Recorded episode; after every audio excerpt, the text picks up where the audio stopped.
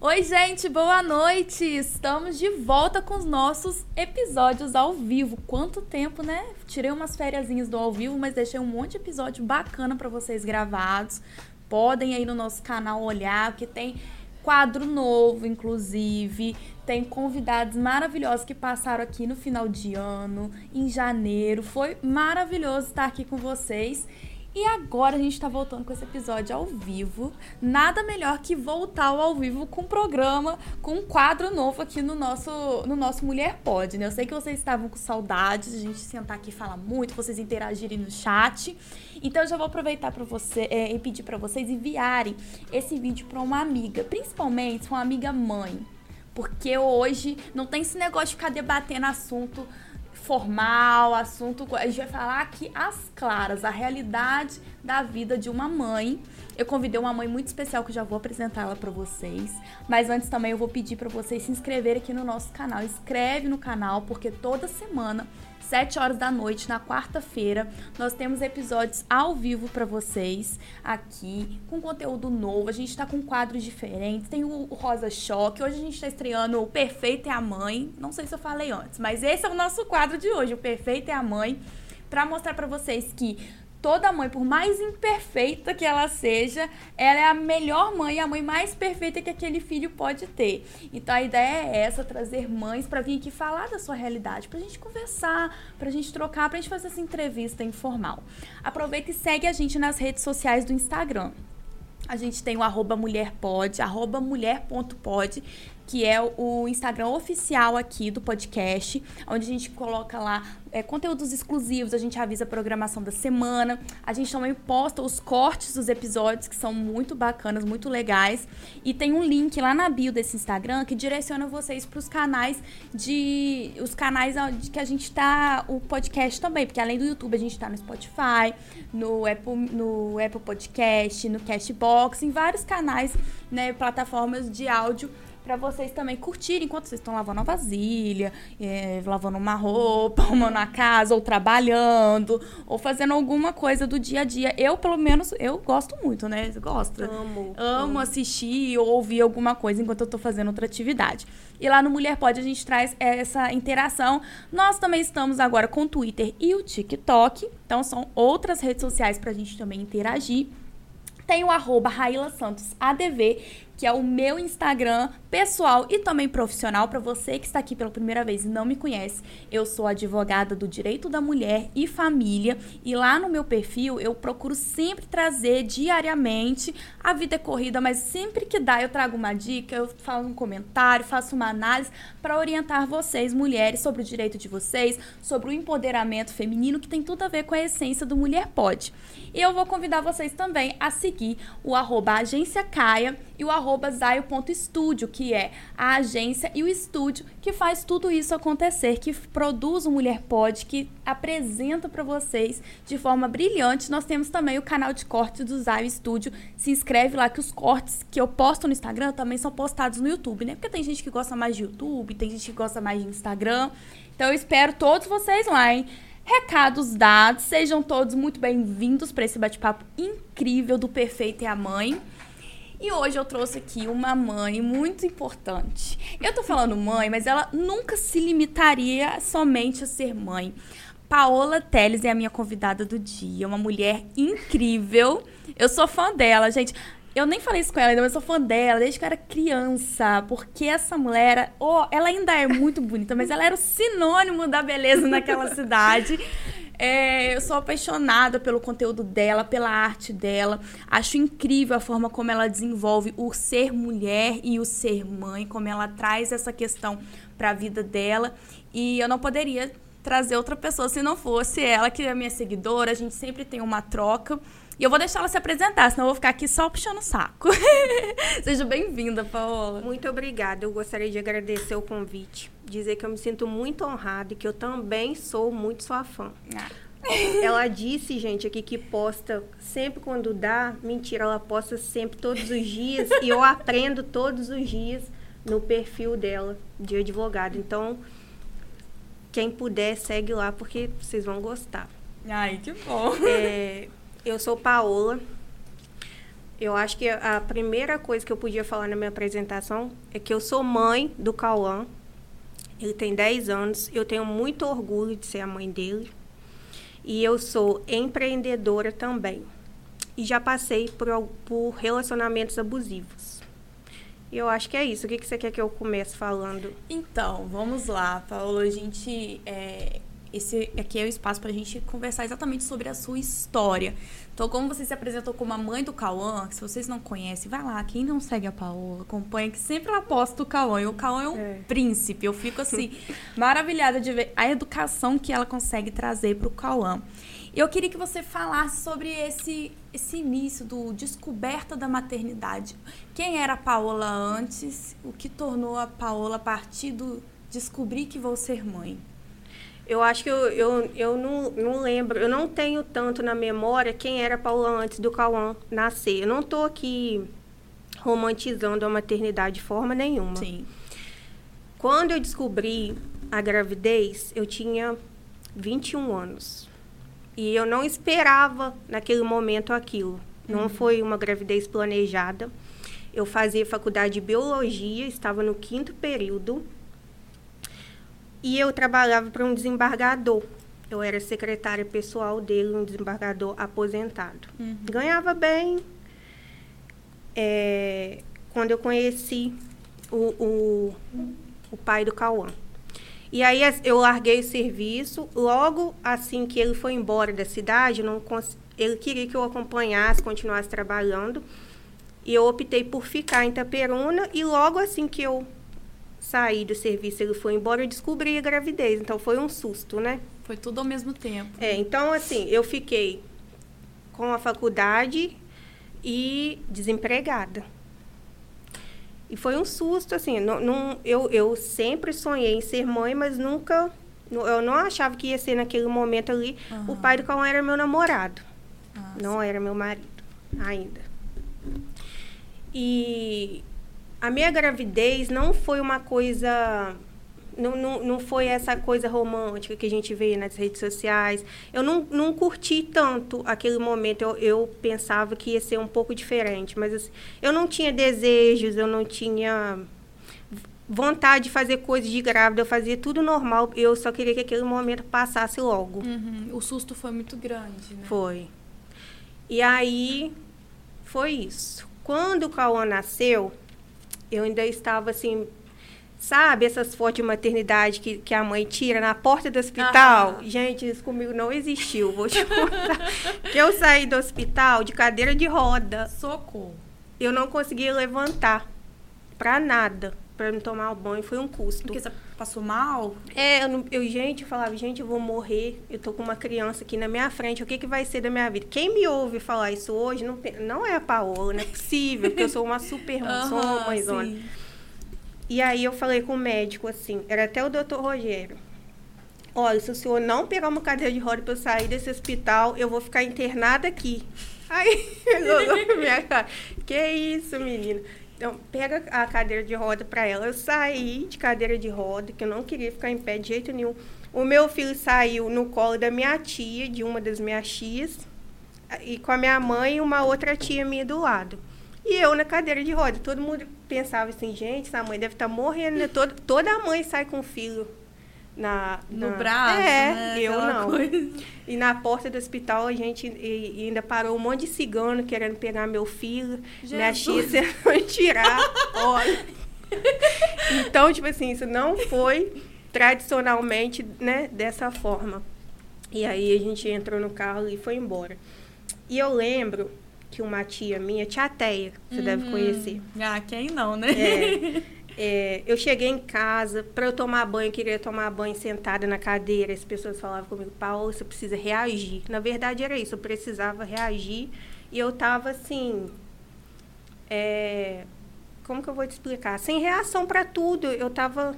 Meio que desligada. Gente, choque, é, né? um sonho, um pesadelo. Era um, mais uma misto. questão psicológica e Isso. emocional do que física. Exatamente. Uhum, Aí ela falou comigo: Eu tenho certeza que você vai ser uma mãe incrível. Eu sei que a hora que você levantar, ninguém vai te derrubar mais, minha filha. Você vai ser uma leoa. E eu ouvi aquilo, na hora não fez muito sentido para mim, entrou no ouvido, saiu no outro, eu sempre fui teimosinha. Mas ela tinha toda a razão, ela foi muito sábia ao me dizer isso. Eu fiquei ainda assim, tá? O meu puerpério, mais ou menos uns 15 dias dessa maneira. E é muito legal a gente falar sobre isso, porque as pessoas acham que, romantizando essa é. maternidade, é. acham que assim a criança saiu, a mãe vai ser ativa, vai fazer tudo. E realmente tem mães que têm essa, essa proatividade, mas cada uma reage de uma forma, né? Porque Exatamente. não é só uma questão física, uma questão. Eu acho que quando você está ali com a sua família, o seu parceiro também, né? Você imagina que, né? Que ele está ali do seu lado e vai dar tudo certo, ele tá, né? Uhum. Mas quando você, eu fui, por exemplo, eu eu tinha sido, eu era ainda casada com o pai do Cauã, mas eu saí fugida de casa com nove meses. No dia que eu fiz nove meses, eu gestação. voltei para casa da minha mãe com medo de acontecer alguma coisa comigo por, um, por conta de uma briga. Eu bati a minha barriga no berço, porque ele ameaçou me bater. Eu estava com a barriga muito grande. No outro dia eu faria nove meses. Uhum. Então eu tive o Cauã com roxo na barriga. Então eu acho que por ser assim o primeiro abuso que eu fiquei com bastante medo mesmo, quase físico, isso mexeu também muito comigo e com o meu puerpério. É, traz uma carga Exatamente, emocional muito, muito pesada. Grande. É. Né? Aí passou-se um tempo, eu acabei voltando para o meu relacionamento. Eu era casado, não tinha me divorciado. Só que nesse tempo, é, quando eu descobri a gravidez, nasceu a minha empresa, Colori. Por quê? Eu estava desempregada, precisava de dinheiro. Eu nunca gostei de depender de ninguém para nada. Falando Essa em Colorê, nós temos uma caixa aqui que daqui a pouco gente vai revelar o que, que a Paola trouxe diretamente da Colorê para esse podcast. Exatamente. e aí nasce a Colorê junto com o, a descoberta da maternidade. Isso. Então você descobriu duas vezes, né? É. Uma empreendedora e uma mãe. É. Foi ali na marra os dois, né? E duas, foi, é, e duas, foi uma coisa meio que sem escolha. Duas eu, coisas muito difíceis. É, eu, eu imaginava uma coisa para minha vida e eu, os rum, o rumo foi outro. Então ali, né? Até o Cauã nasceu, o puerpério difícil, e eu já fazia uma coisinha ou outra no feltro eu continuei. E eu via que quanto mais eu fazia, as pessoas compravam. E é dali que eu arrumava um jeito de sustentar o meu filho, fazer o que eu tinha que fazer. Eu precisava de dinheiro. E aí foi isso, assim que nasceu a Paola mãe.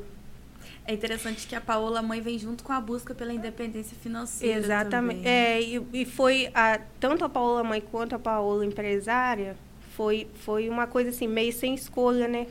Eu, não, eu ou você vai ou você vai. Não tem.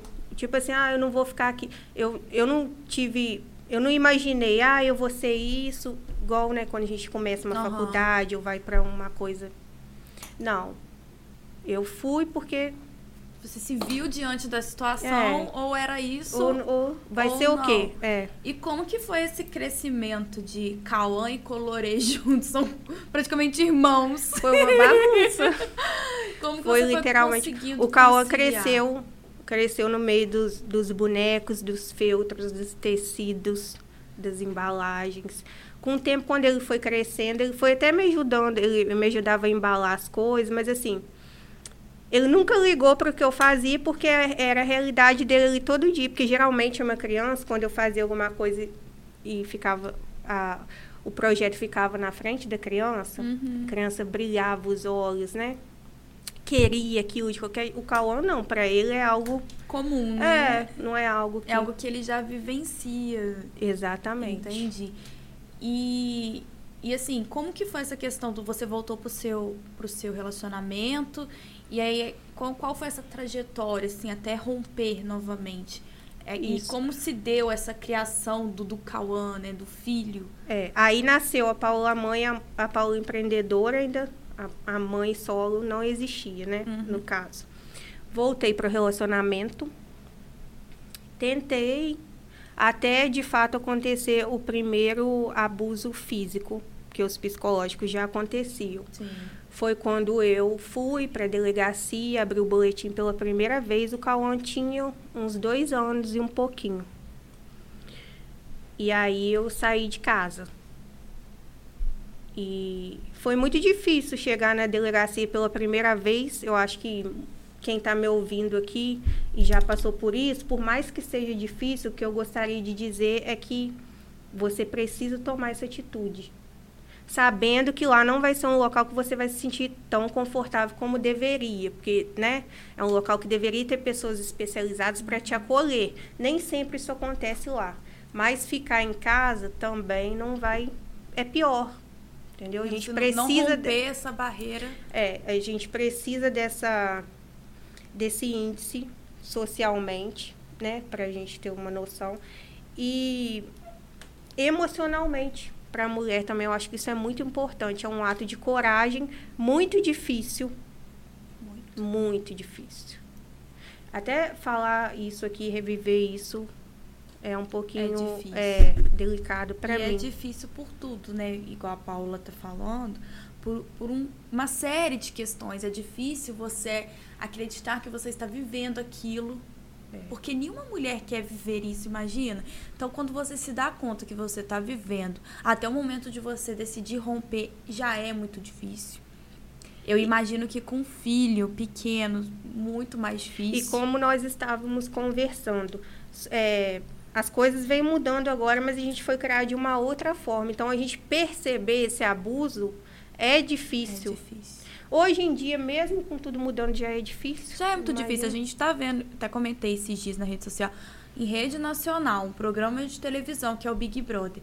É. Uma atriz super, né, que tem conhecimento, que sabe de tudo, por causa de consequência que, de traumas do que ela já viveu, ela não consegue ter essa é. percepção. É. E, e, uma pessoa, né, super dona de si. Exatamente. Que não deita. E é o que eu era, o que eu sempre fui.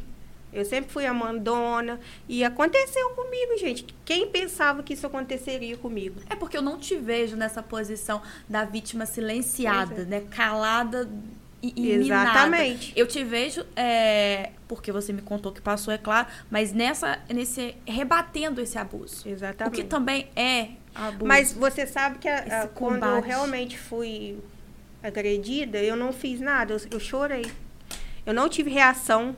Acho que até eu esperava que eu fosse ter uma reação. Uhum. Mas na hora, gente, eu acho que é uma coisa tão delicada, tão difícil. É tão difícil a gente prever o que, que a gente vai fazer ou sentir. Hoje eu acho que seria bem diferente, tá? É, mas é porque você já passou por é... isso. Aí você já sabe. E eu acho que o que pega também, quando uma pessoa está nessa situação, ela custa acreditar que ela está. Exatamente. Às vezes ela percebe, ela vai fazendo vista grossa, porque a gente é treinado a achar, a gente é criado achando que o amor, ele é assim mesmo. Entendeu? Que homem é, é, assim, né? Que o amor às vezes pode machucar. Amor não machuca em sentido nenhum, gente. Nem no físico, nem no emocional. Amor não é isso. E isso é uma coisa legal, até da gente falar para outras mães que estão assistindo, porque isso começa desde a criação. Igual a gente conversou eu não fui, não tive um diálogo tão aberto assim. Exatamente. A nossa, as nossas gerações passadas não, mas a gente tem trazido, buscado trazer isso para as novas gerações, porque até no colégio, né, quando o amiguinho vai lá e puxa o cabelo, bate na coleguinha, e aí para apaziguar a situação, a família vem falando: "Não, mas ele gosta de Exatamente. você". Quer é chamar a tá atenção, tá nervoso, é né? o jeito dele, é. deixa pra lá. Então ali naquele momento por ser criança, porque as pessoas não dão muito ouvido para o que a criança sente e fala, né?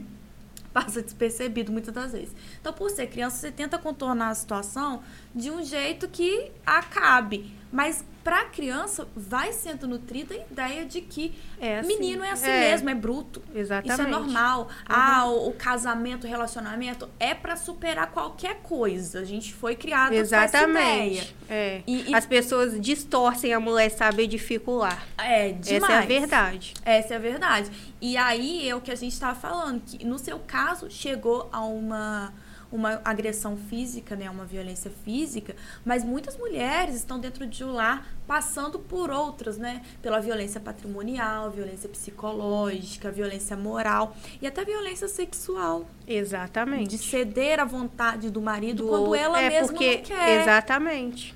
Então, é... e aí como que foi? Eu vou entrar nos assuntos muito técnicos, eu vou evitar.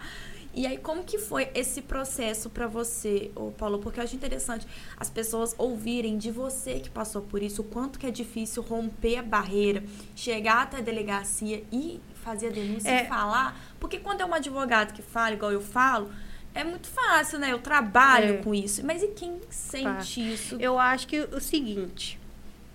Você custa acreditar que você está num, num, relacionamento abusivo. Uhum. E é um uhum. ciclo vicioso. Quem abusa, se você não tá, estiver muito atenta ali, você ainda pede desculpa à pessoa pelo que ela te fez. Já aconteceu comigo.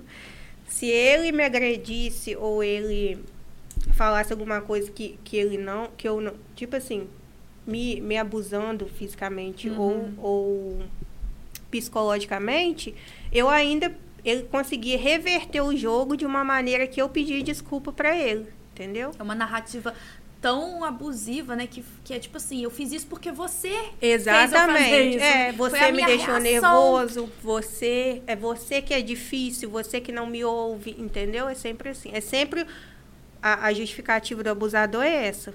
Eu fiz porque você nunca eu fiz porque eu quis fazer ou porque eu sou um abusador. E isso é uma coisa que também afeta muito a autoestima e a autoconfiança e é. o amor próprio da mulher, porque ela começa a acreditar que ela é esse esse monstro Exatamente. mesmo, que ela é difícil, que ela é uma pessoa que não dá para lidar, como se ele estivesse fazendo um favor de estar com Exato. ela. É, e que é a gente que eu, né, que sempre me impõe, eu, eu ouço direto, que eu sou uma pessoa muito difícil de lidar. Eu acho que todo mundo que se impõe ouve. Mas Sim. voltando ao assunto de como foi, né, essa parte da, da delegacia, eu acho que o mais difícil para mim foi falar isso com os meus pais, tipo assim, mãe, eu tô indo pra delegacia. Por quê? Eu tive uma criação tradicional, mas eu era criança que deixava minha casa da Barbie com as minhas amigas aqui e ia brincar de pique com os meninos. Uhum. Então eu não costumava deitar para nada. Entendeu? Tipo assim, você fez alguma coisa comigo, eu vou rebater. Entendi. Eu acho que a minha dificuldade foi assim, mãe, eu, tô, eu, eu fui fraca né, entre aspas, de deixar isso acontecer comigo e agora eu tô aqui te envergonhando. É isso que passava pela minha cabeça. Entendi. E quando ela chegou lá pela primeira vez, eu chorava e eu pedia desculpa para ela por estar envergonhando ela ali naquele momento. E ela chorava e falava que que, ela, que eu não estava envergonhando ela, que ela estava se sentindo muito orgulhosa do que eu estava fazendo, da minha coragem ali. Mas eu acho que quando igual nesse caso meu, que eu nunca fui quietinha para nada e isso aconteceu comigo, eu via como, tipo assim, eu fui fraca a ponto de deixar isso acontecer. Eu não consegui reagir. É. Eu vou só abrir um parênteses e mandar um beijão pra tia Doris, que é a mãe da Paula, se ela estiver assistindo, que eu fico emocionada porque eu consigo ver ela te dando essa força e Sim. olhando e falando, eu estou orgulhosa de você. Ela foi minha professora querida quando eu tava na infância ainda, mas eu jamais vou esquecer da mulher incrível que ela é. E Paola não é forte assim à toa. É fruto Olha, disso. Eu, eu lembro muitas vezes quando eu chegava na, na sua sala para abrir, você tava lá sentada na frente, a minha mãe parecia que só existia você dentro de sala. o resto era co, co, tipo assim, você era Nossa, eu, eu, sempre fui apaixonada dela. O resto gente. dos alunos são coadjuvantes. Só tem é. eu, mas pra ah, frente, eu era né? Protagonista. pra frente demais. Mas aí vamos voltar, senão a gente vai abrir um é. parênteses. E aí, é, essa, esse sentimento de. Você foi sem pensar, ou você pensou antes de ir? Ou você foi assim, ah, eu preciso de socorro, então Exatamente. É, eu fui diante de uma agressão. Assim, eu, eu fiquei com medo. No momento você já foi. É, isso aí. É, eu fui, a primeira vez que eu fui, eu tava de pijama descalça. Tava chovendo, tava um tempo tipo hoje, assim, uhum. só que de chuva. E após uma briga, é, eu fui com meu filho no braço, que eu pensei, se eu não descer agora, ele vai acabar fazendo alguma coisa com a gente aqui, eu tô com medo. Aí eu fui. No meio do caminho, encontrei policiais. E a minha vizinha ouviu a, a briga. Olha como são as coisas. Eu tinha uma vizinha que também já passou por abuso E ela tinha as filhas grandes já, era casada com outra pessoa. Ela ouviu esse barulho, pegou o carro dela na garagem e foi atrás de mim, que ela viu que eu saí uhum. com o uhum. Cauã. Os, o resto dos vizinhos, todo mundo ouvia, mas é aquela coisa, em briga de marido e mulher não se mete a colher. E a gente precisa acabar com isso. É. Mas ela, aí ela pegou o carro e foi. Aí quando ela ia me levar, ela, cê, vamos lá, eu vou te levar. No meio do caminho a gente encontrou esses policiais que fazem ronda. Sim. E era assim, bem de madrugada já. E ali dentro do, do carro, eu ouvi do policial que se eu respeitasse meu marido, é, nada disso tinha acontecido. Que eu tinha que ouvir e ficar quieta. Do policial. Aí você. Exatamente. A primeira vez ali que isso aconteceu, você ouve de um policial que está ali para te defender. A gente pensa assim, né? Uhum. O que que você. Eu, eu tive a vontade de simplesmente voltar para casa deitar na cama e chorar. O que, que eu tô fazendo? A pessoa que era para me defender tá me, me jogando mais para trás, colocando a culpa em mim? E muitas das mulheres se sentem de fato culpadas. Olha, é. então eu que alucinei em achar que eu tinha que fazer isso, de que Exatamente. tinha que denunciar porque e, eu tô errada. Ó, e isso há quase 10 anos atrás, 2014, mais ou menos, 2013. As coisas ainda não eram tão abertas como é hoje. Uhum. Então, se, se eu, fico, eu fui com uma culpa, né, ali. E aí, nessa, aí voltaram, pegaram ele lá, ele, ele deu o depoimento dele. Dentro da delegacia mesmo, ele tentou fazer eu voltar para casa e eu fui para minha mãe. Fiquei um tempo na minha mãe, aí sempre aquela coisa, eu ainda não tinha aquela força não, porque uhum. ele tentava ainda me engambelar com as palavras, dizendo que eu tinha que Cauã tinha que ser criado por mim e por ele. Uhum. Então, aquela questão da família. É, eu ainda voltei, por quê? A minha empresa ainda não era uma empresa. E assim, eu ganhava, mas não o suficiente para manter uma criança da maneira que eu queria, né? Então, eu era dependente dele. Hum. Mesmo tendo meu dinheiro, não conseguia isso assim. E a minha mãe nunca se opôs, apesar dela não, no fundo, assim, não me dar força, ela nunca se opôs às vezes que eu quis voltar de certa forma, eu, eu era acolhida pela minha família na decisão que eu tomasse. Uhum.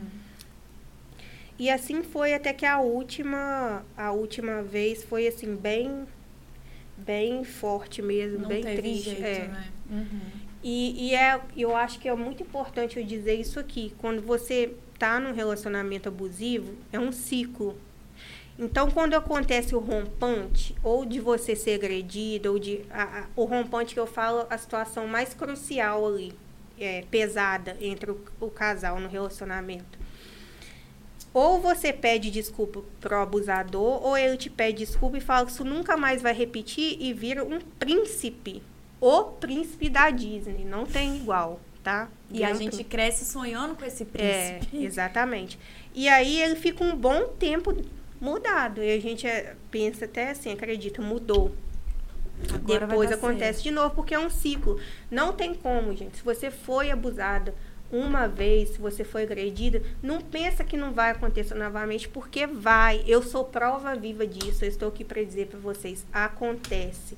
Ninguém muda. O homem que acerta uma mulher, ele vai fazer de novo com, com você, se você foi agredida. Se você largar, ele vai fazer com a próxima que ele arrumar. É sempre assim, não tem, não tem como, não tem mudança. Isso aí, porque, igual você falou, é um ciclo de, dessa trans... E o ciclo funciona assim: tudo muito bem no início, é. aí começa a ficar tenso, ele começa a te limitar, começa a te minar, começa a te agredir verbalmente, aí começa aquela questão, né? Já tá a violência em si acontecendo, violência psicológica, é. violência moral, até infelizmente chegar na violência física, violência sexual que acontece. Depois disso é o que a Paula falou.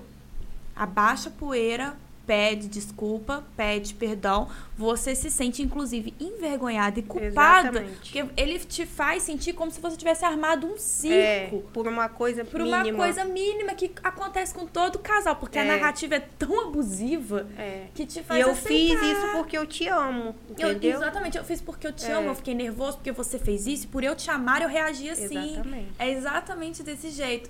E a Paola afirmou uma coisa que as pessoas não acreditam, infelizmente, mas é verdade. Acontece de novo. E infelizmente acontece pior.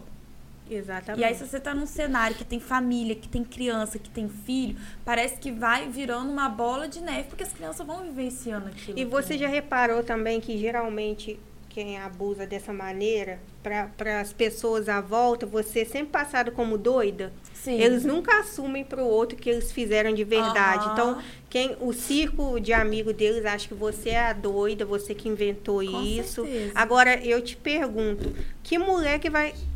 Pode acontecer que isso está acontecendo até na novela. Não sei se você viu. Ontem eu estava vendo a novela. A, a Guida até se, se bateu na parede Ah, e foi. Eu achei isso até desnecessário da Globo, porque a gente é invalidada tanto nesse assunto. Ela fingir que foi agredida para ir para delegacia só Uma dá pauta- força para Uma isso. pauta tão séria ser É. banalizada desse Já jeito. é no dia a dia, né? É. Então, mas assim, que mulher que, poxa, vai se prestar a isso? A- Aí na delegacia, um ambiente completamente machista, É. que é o que a Paula falou aqui. Quando ela encontra os policiais, ela pensa: agora eu tô salva. Agora. eu co- Como acho se você que- é. conseguisse um alívio. Agora. Mas aí você se depara com um julgamento. Com uma orientação completamente descabida, né? Volta pra casa e respeita seu marido. É. Gente, onde que um policial, que é uma a, a entidade, a instituição que tem que te proteger, pode, Pode falar, falar isso pra isso, você? é. E aí pensa na, na minha na minha na narrativa da minha vida eu voltar pela segunda vez para a delegacia para fazer a mesma coisa, né? Ter que colocar a vergonha no no Você tinha saco. arquivado outro processo? Como que ficou? Ou ele ficou em aberto? Ele ficou em aberto. Uhum. Coloca- mas, tipo assim, eu ter que chegar lá e falar, sou eu aqui de novo, pelo mesmo problema. E aí Pensa. sabe o que, que às vezes eles falam? Eles- ah, sem vergonha. É. Eles mandam você voltar e pedir eh, desculpa pro marido. Mas quando você volta e acontece, não É fala que você vergonha. é sem vergonha. Mas é isso que eu falo aqui. Quem passa por isso, por mais que você tenha voltado, se você tá de novo pensando em sair, não, não fica se culpando porque você voltou. Pensa no daqui pra frente. Porque E pensa é mais em certo. você, né? Não o que, que os outros vão falar ou É, achar. Quem passa por isso, geralmente tem essas recaídas. Tem. Quase é, é sempre normal. é. Infelizmente, É. é, normal. É, eu Essas falo isso porque, assim, é um assunto que eu estudo, então isso é comprovado. É, A recaída é muito normal em casos de relacionamento abusivo. Exatamente por causa do ciclo. Porque o ciclo vai se repetindo. E aí, aonde que nasceu a mãe, a, a mãe do Cauã, a mãe solo? Eu já era uma excelente mãe. Aí você, só pra gente contextualizar, você rompeu de Isso. vez Aí, e voltou e foi pra casa da sua mãe com o Cauã. não, aí dessa segunda vez que eu já tinha ido uma vez. Ah. E eu vi como funcionava e eu entendi que eu queria o meu espaço, a minha casa. Eu tinha a minha casa bem ou mal. Então eu, eu voltei, mas eu sabia que se eu saísse de novo, eu ia querer ter a minha vida. Uhum. Então, nessa segunda vez, além de eu ter saído, ele quebrou todo o meu material de trabalho. Jogou tudo, a minha máquina de costura, ele pegou assim, ó, jogou no chão, quebrou o piso da casa, quebrou a máquina todinha. Tipo assim, você pode ir, mas você também não vai conseguir trabalhar. O que, se a gente é, for explicar, é uma violência patrimonial dupla, né? Sim. Tanto do, Era o que eu bem tinha ali para poder me. quanto do sua, sua fonte de sustento. E eu fui casada em comunhão de bens, mas eu abri mão de tudo, assim, pelo meu sossego. Uhum. Então, pela segunda vez, eu já vi que muita gente não tava, tava assim, dando um descrédito. Eu cheguei já de madrugada na casa da minha mãe, com o policial de novo. Era sempre de madrugada, era na hora de dormir que acontecia alguma coisa. Porque não É. ia ter muita forma de você pedir socorro É. na cabeça do agressor, no caso. Isso. Aí, eu lembro direitinho desse episódio, o meu meu irmão que atendeu, que ele não sabia o que estava acontecendo, chegou o policial, meu irmão mora com a minha mãe. E aí ele viu eu calando dentro do camburão. Ele- aí ele perguntou pro, diretamente pro policial, sem falar comigo, o que que aconteceu, mas nervoso. Cara, o que que aconteceu? Tipo assim, é minha irmã. Uhum. E o policial não quis responder pra ele, gritou pro policial, eu quero saber o que aconteceu, porra. E bateu com a, com a mão assim na, na parede. E o policial não respondeu pra ele.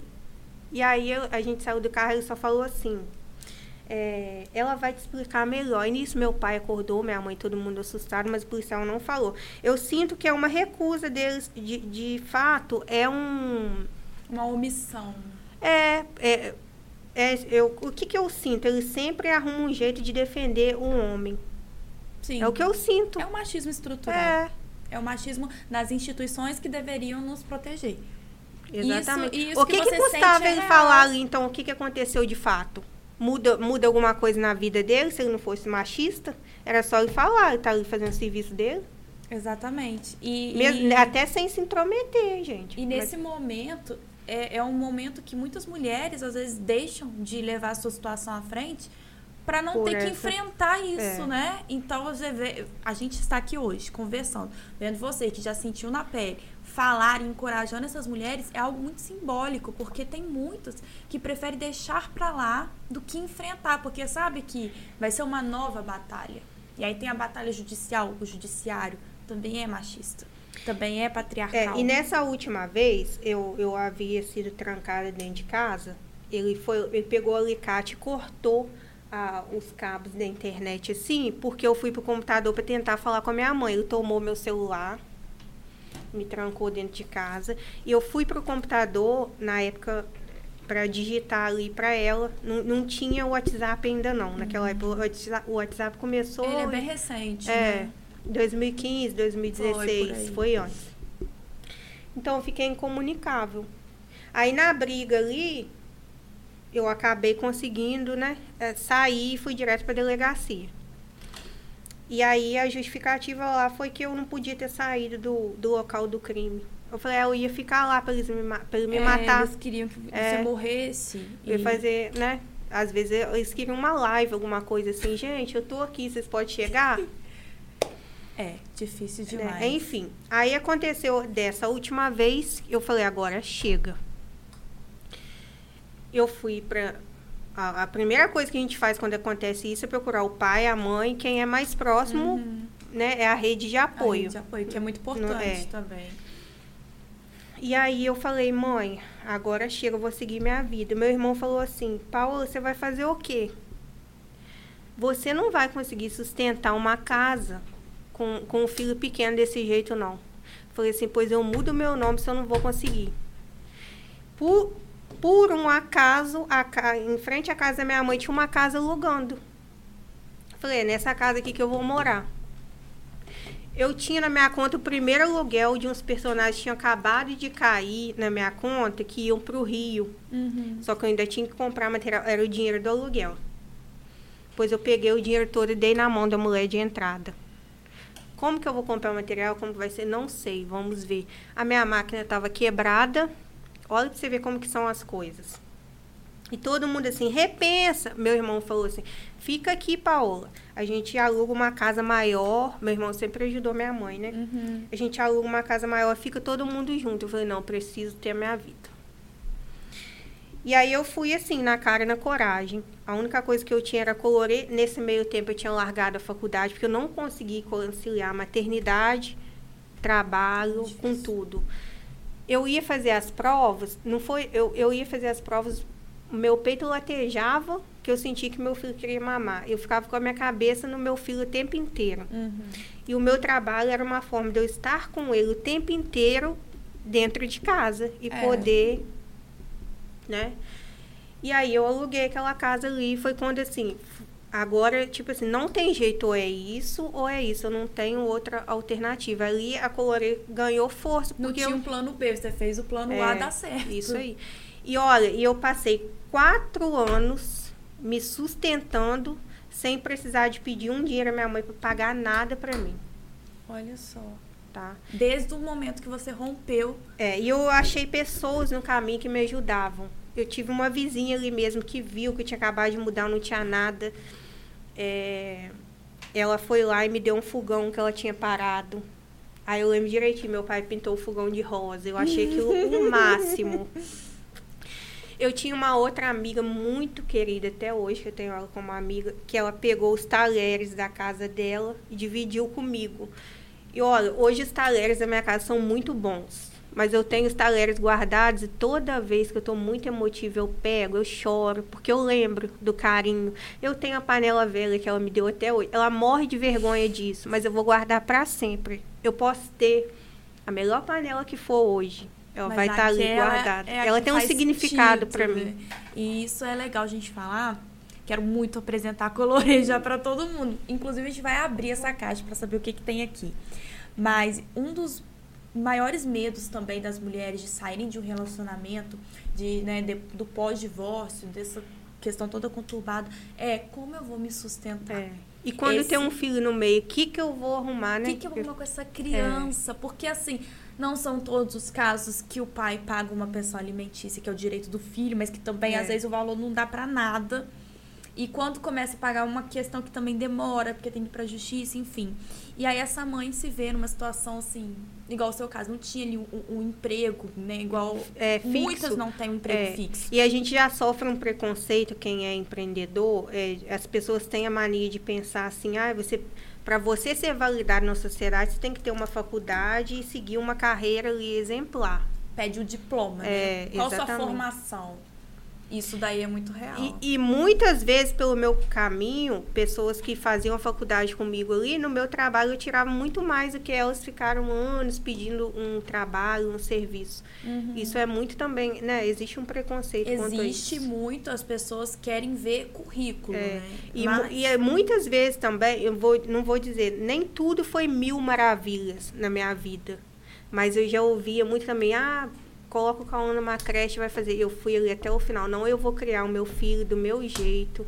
Eu vou parar vou, de trabalhar na hora certa. Ele vai para a escola, eu vou buscar. Eu quero ter é, esse contato, né? É, de, Essa, de mãe, assim, bem de próximo dele. É. Sim. E aí, é, você me fala, né, que você me narra a situação da Colorê. A Colorê sustentou financeiramente mas também te sustentou em vários outros aspectos na Muitos. sua evolução, né? Exatamente. Né? Nos desafios. Olha, e como que foi? A minha máquina foi quebrada. Minha avó faleceu com eu tinha seis anos. Antes dela morrer, ela tinha uma máquina, aquelas máquinas pretas, bem de antiga. É. Ali, né? Antes de eu, dela morrer, eu tinha seis anos quando ela faleceu, ela chamou a minha mãe e falou com a minha mãe que a máquina de costura dela era minha. Ela fazia pano de prata e as coisas. Minha mãe questionou assim, mas mãe, a Paola é uma criança. Dá pra, pra minha tia que costurava. Ela não, essa máquina é da Paola, ela vai precisar. Olha. Eu fico arrepiada Ai, que essa máquina estava na minha mãe. Essa máquina estava na minha mãe. Quando a minha foi que eu ganhei a minha, não ligava para essa, ficava na minha mãe, que era da minha avó ali. Era minha, mas assim, eu, eu abri ela, me trazia memórias, nem, e por ser muito antiga, eu não queria mexer nela. Sim. Então foi essa máquina que foi o primeiro móvel que foi para dentro da minha casa. E ela funcionava direitinho, fez tudo. E ela que fez tudo. Eu fui ganhar outra máquina agora, tem dois anos. Nossa, e trabalhei. Olha, as pessoas chegavam na minha casa e falavam: não é possível que essa máquina aqui faz isso aqui que você faz. Entendeu? E aí, é, qual foi a pergunta que você me fez mesmo? Calma aí, vamos voltar. É. Ah, não, eu, eu, eu, falei que a, a, questão da Colorê, que ela não te sustentou só ah, é. financeiramente. Psicologicamente. psicologicamente. E, eu, e uma coisa muito interessante, eu senti que quando eu passava algo psicológico bem forte, eu colocava a minha força toda ali no meu trabalho, eu acabava desenvolvendo alguma técnica, meus personagens ficavam melhores porque era ali que eu buscava de fato a, a sua força ali. Eu vou né? te falar, o meu trabalho sempre foi a minha vida. Sempre foi a minha vida, assim. Depois do meu filho, eu sempre foi o meu trabalho na frente de qualquer outra coisa. Noites acordadas, eu já passei, gente, incontáveis, incontáveis noites acordadas costurando. Para dar conta de tudo, eu precisava manter a casa, eu pegava todas as encomendas possíveis. De chegar num ponto, às vezes, Natal, Dava 8 horas da noite, estava fazendo a última entrega e a minha mãe assim, minha filha, vamos. E o que é a Colore hoje? Eu vi que você lançou é, um, um, projeto novo. Exatamente. Eu voltei... Explica assim para as pessoas que ainda não conhecem. É. O que que faz na Colore? a Colore era... Eu fazia lembrancinha, porta-maternidade, personagem, tudo ali no universo do feltro, do tecido necessaire.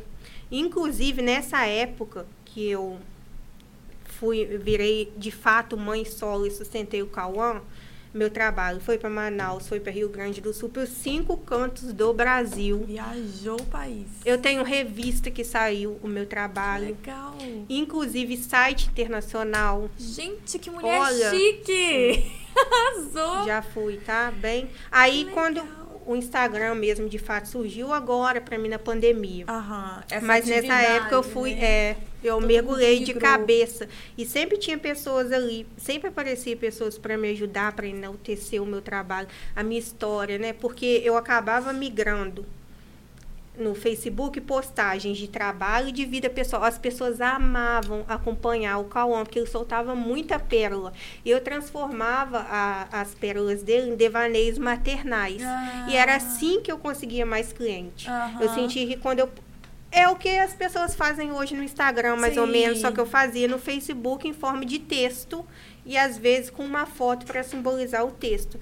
Então, todos os dias as pessoas esperavam uma pérola do Cauã. Porque também as pessoas que te seguiam deviam ser pessoas mães, né, que tinham filhos e se identificavam É, com exato. aquilo É. ali, né? Então, e aquilo E, ali. É, surgiu uma admiração, surgia um carinho pela história, pelas coisas, pelo que eu fazia, né? Era uma coisa. É uma coisa afetiva, não tem como. Não, e o seu trabalho é algo assim, é, é dom, você fez curso, o que aconteceu? Porque Não. eu acho incrível o, o Quando a Colorê perfeição. começou, o Cauã na minha barriga, eu fui fazer uma pasta para guardar os documentos dele, eu não achava nada, eu, eu falava assim, gente, preciso enfeitar uma pasta.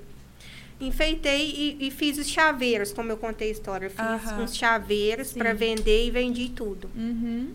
E aí eu falei, gente, já que eu consegui fazer isso aqui, eu vou fazer um enfeite de porta de maternidade. E aí eu fiz. E aí foi engatando. Eu comecei assim, não, não existia um curso, existia muita força de vontade. Entendeu? Então, isso De- daí de que ver eu um acho que potencial ali Isso de- daí que faz, né, o movimento, exatamente o você, que- a sua dedicação, o querer. Exatamente. Vamos mostrar um pouquinho do, da Colorê para as pessoas? A, Vamos. a Paula trouxe essa caixa. Eu até postei nos meus Ah, stories, é ela também. dizer o seguinte, que hoje eu não faço mais esses personagens. Eu apenas alugo e agora eu comecei com Peg Monte voltando para um sonho meu antigo que eu é deixei outro engavetado. nível, né? É. Mas eu fiz esse presente aqui para Raíla. Eu, É, eu nem abri, nem vi ainda, que eu quero reagir aqui junto com vocês. Uma forma mesmo de agradecer o convite e dizer que eu sou muito sua fã. Eu acho que você faz muita diferença na vida das pessoas no seu Instagram todos os dias. Apesar de ter sido abusado, já passado por várias coisas, eu aprendo ali todos os dias com você. Eu aprendo muito. Pode ter certeza disso. Você Nossa. inspira muitas pessoas. Eu me sinto muito honrada de, de. Eu me sinto mais honrada em ter o elogio de pessoas que não são profissionais da minha área, mas de pessoas que acompanham o meu trabalho e que me verbaliza, que aprende comigo. Exatamente. Eu- é, é o jeito que você se coloca no lugar da vítima sempre, mesmo não tendo passado exatamente por aquilo dali. Você lembra um dia que você fez uma caixinha, eu até ri de uma situação, e você falou comigo, é uma pessoa, é uma é uma mãe fragilizada e realmente, mas como que é se você não é mãe? Você você entra ali na alma da pessoa e se coloca no lugar dela, uma empatia sem É, fim. Eu acho, Eu eu, sinto até isso. brinco que isso daí eu acho que é uma coisa que Deus instalou em mim de ter essa sensibilidade, porque não é Exatamente. fácil você ter a sensibilidade de se colocar no lugar do outro. E isso eu, eu não sei. E é- por ser um trabalho, por, por você também ter uma profissão tão técnica, né? Tão, tão ali, é lei, é isso, é aquilo, tão é isso, ou formal, não né? é. Ou é ou não é, é, é O muito certo seria você ser uma pessoa menos. Uma vez É. eu tava em casa. Eu falei Hum. com o Diego, eu queria ser uma pessoa mais fria. Mas ou é isso, não é, e- pronto. E, e, mas, e eu tava, assim, muito fragilizada, exatamente porque eu não estava aceitando uma situação que estava sendo imposta a uma cliente minha. É, você se coloca no lugar da pessoa. E eu que fiquei aquilo. O ano passado, pra mim, foi um ano extremamente pesado emocionalmente, porque eu tive casos diversos, de situações diversas, onde eu me via vivendo mais do que a pessoa tava vivendo na pele o problema. É, você pega aquilo ali. Eu pego, eu quero resolver, seu, eu quero resolver. Não porque eu quero ser a melhor profissional, isso daí é consequência. Eu quero resolver porque eu, eu sinto a aflição da Você pessoa. quer dar, devolver uma dignidade, uma esperança pra pessoa. Eu acredito muito em propósito. Eu acho que esse é o propósito da minha vida. e eu- Sem e eu dúvida, não eu te falei isso. dele. eu não vou Não, e fugir. nem adianta. Nem adianta, É né? fugir e ele te buscar. Mas eu agradeço muito, de verdade, Paula, pelas suas palavras, porque eu sinto que é de verdade. Você é uma mulher de verdade. Não, não, tem, não teria por que você ficar inventando, falando isso. Não mesmo. O meu convite aqui o meu convite a você aqui não foi à toa. Eu sabia que esse primeiro episódio desse Perfeito Amante tinha que ser com você. E agora a gente vai saber, conhecer um pouquinho desse trabalho da Paola. Ai, Quando você abrir, eu vou te explicar por que, que ela está nessa posição. Viu eu abrindo, que eu quero, eu quero ver. Os bastidores.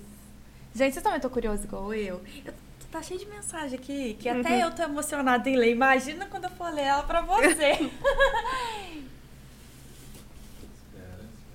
Agora não.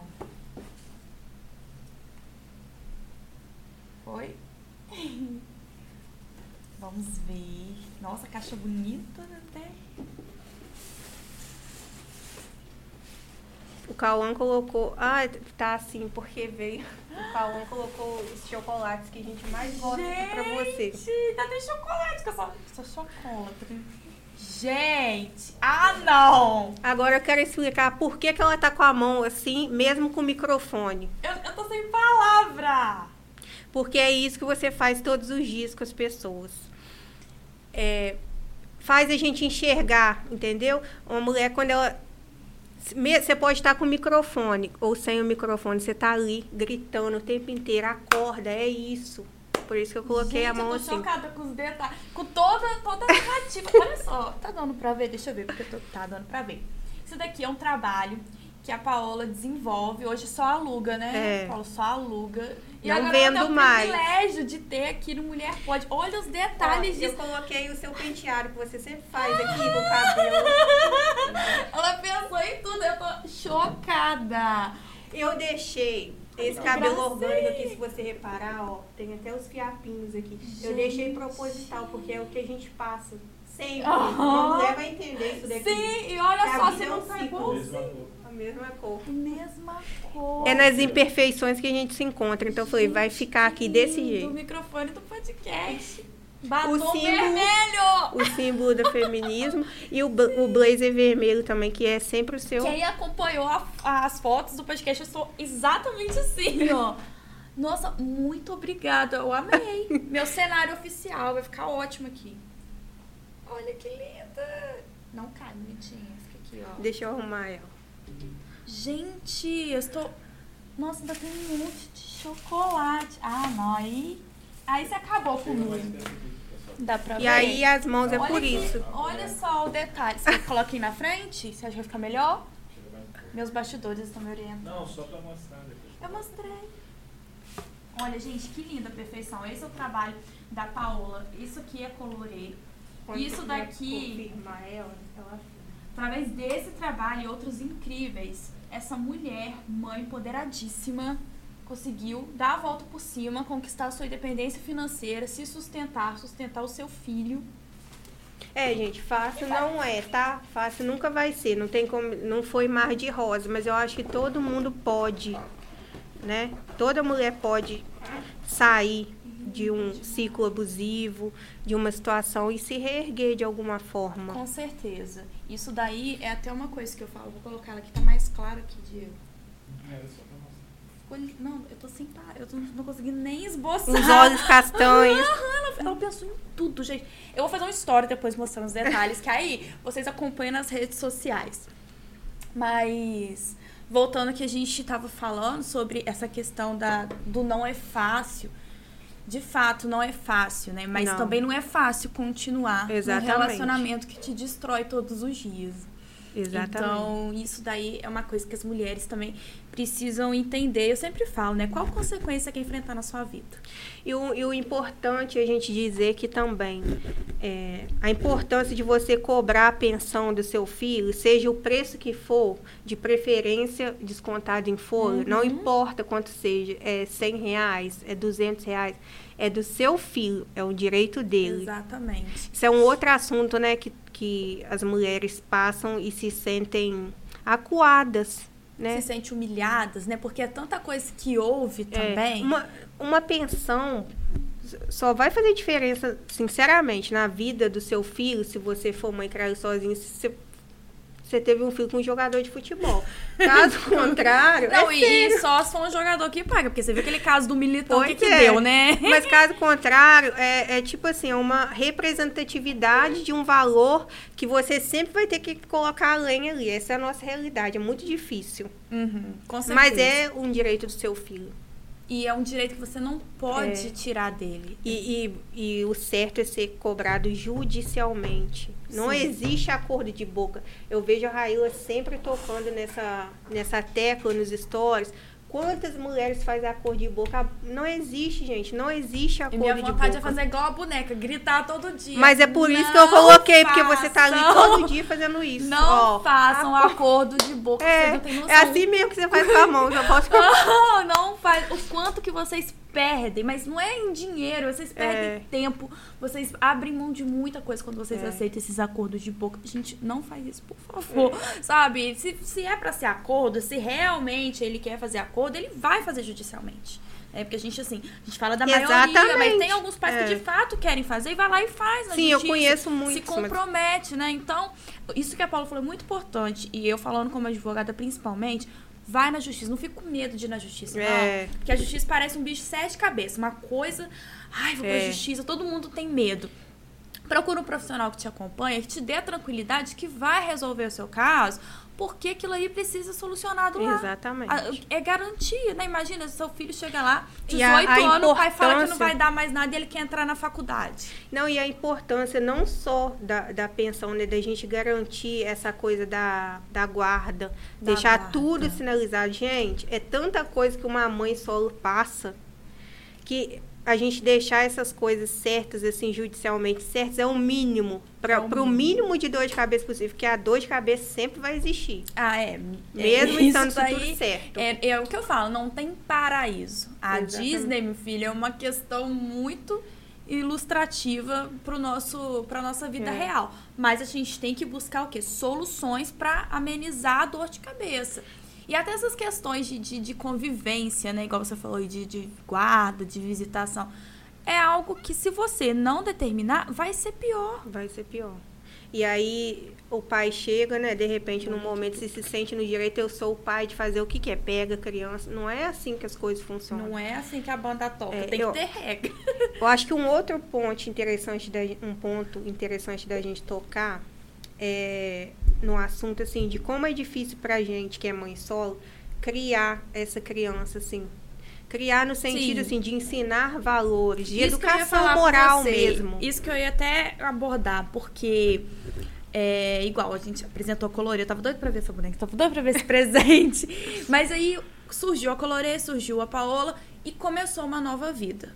Começou ali com o Cauã. Como foi essa presença e esses valores e esse dia a dia da Paola para Cauã?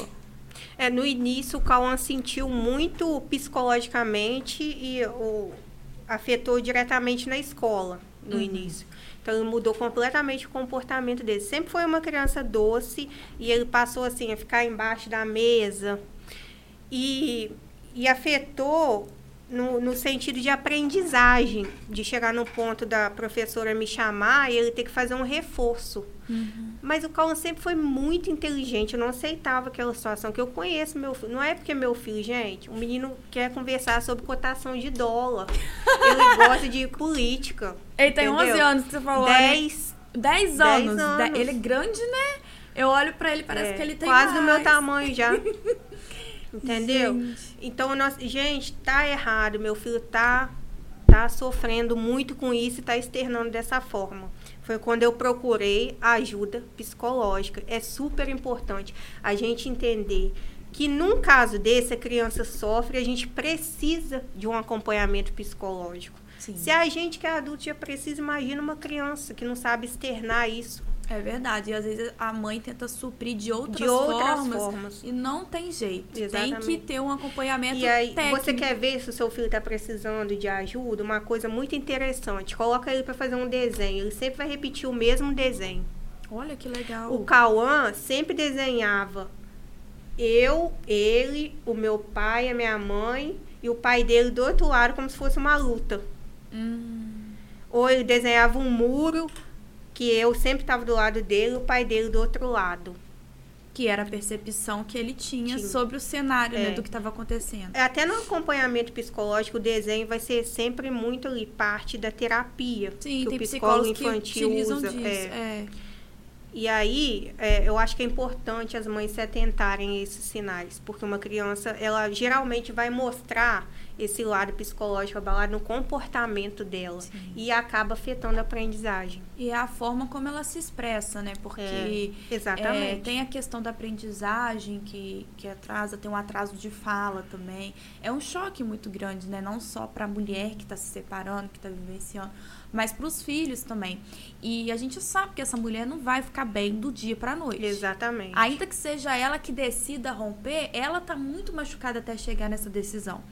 Então ela vai tentar dar o seu melhor para o seu filho, mas sozinha não é possível, não tem como. Ela vai se desgastar, vai doar toda a sua energia, vai fazer o melhor dela mas, infelizmente, não vai ter, não vai ser o suficiente. Precisa desse acompanhamento especializado. Exatamente. E eu falo até muitas eu gosto de lembrar, porque eu sei que ainda tem essa, esse mito de que, ah, não, psicólogo é coisa pra gente doido. Ou psicólogo é, é uma coisa muito é. cara. A gente tem rede é, do SUS, onde tem agora acompanhamento né, da Inclusive, saúde mental. foi pelo SUS que eu, eu, eu acompanhei com a Então, a gente tem isso disponível, ainda mais a gente que é do interior, tem um acesso mais fácil é. É, de conseguir esse acompanhamento né, para a saúde mental do seu e filho. E aqui em Itaperuna não é uma coisa tão difícil, gente. É difícil em, muito, em muitos quesitos, mas perto de outras cidades, é, a nossa saúde aqui a gente é mais consegue fácil a gente conseguir ir diretamente, é, né? E conseguir isso. Então, esse deixa esse alerta para as mães. Ah, não tenho condição de pagar uma consulta. A gente sabe que não é fácil mesmo tirar do bolso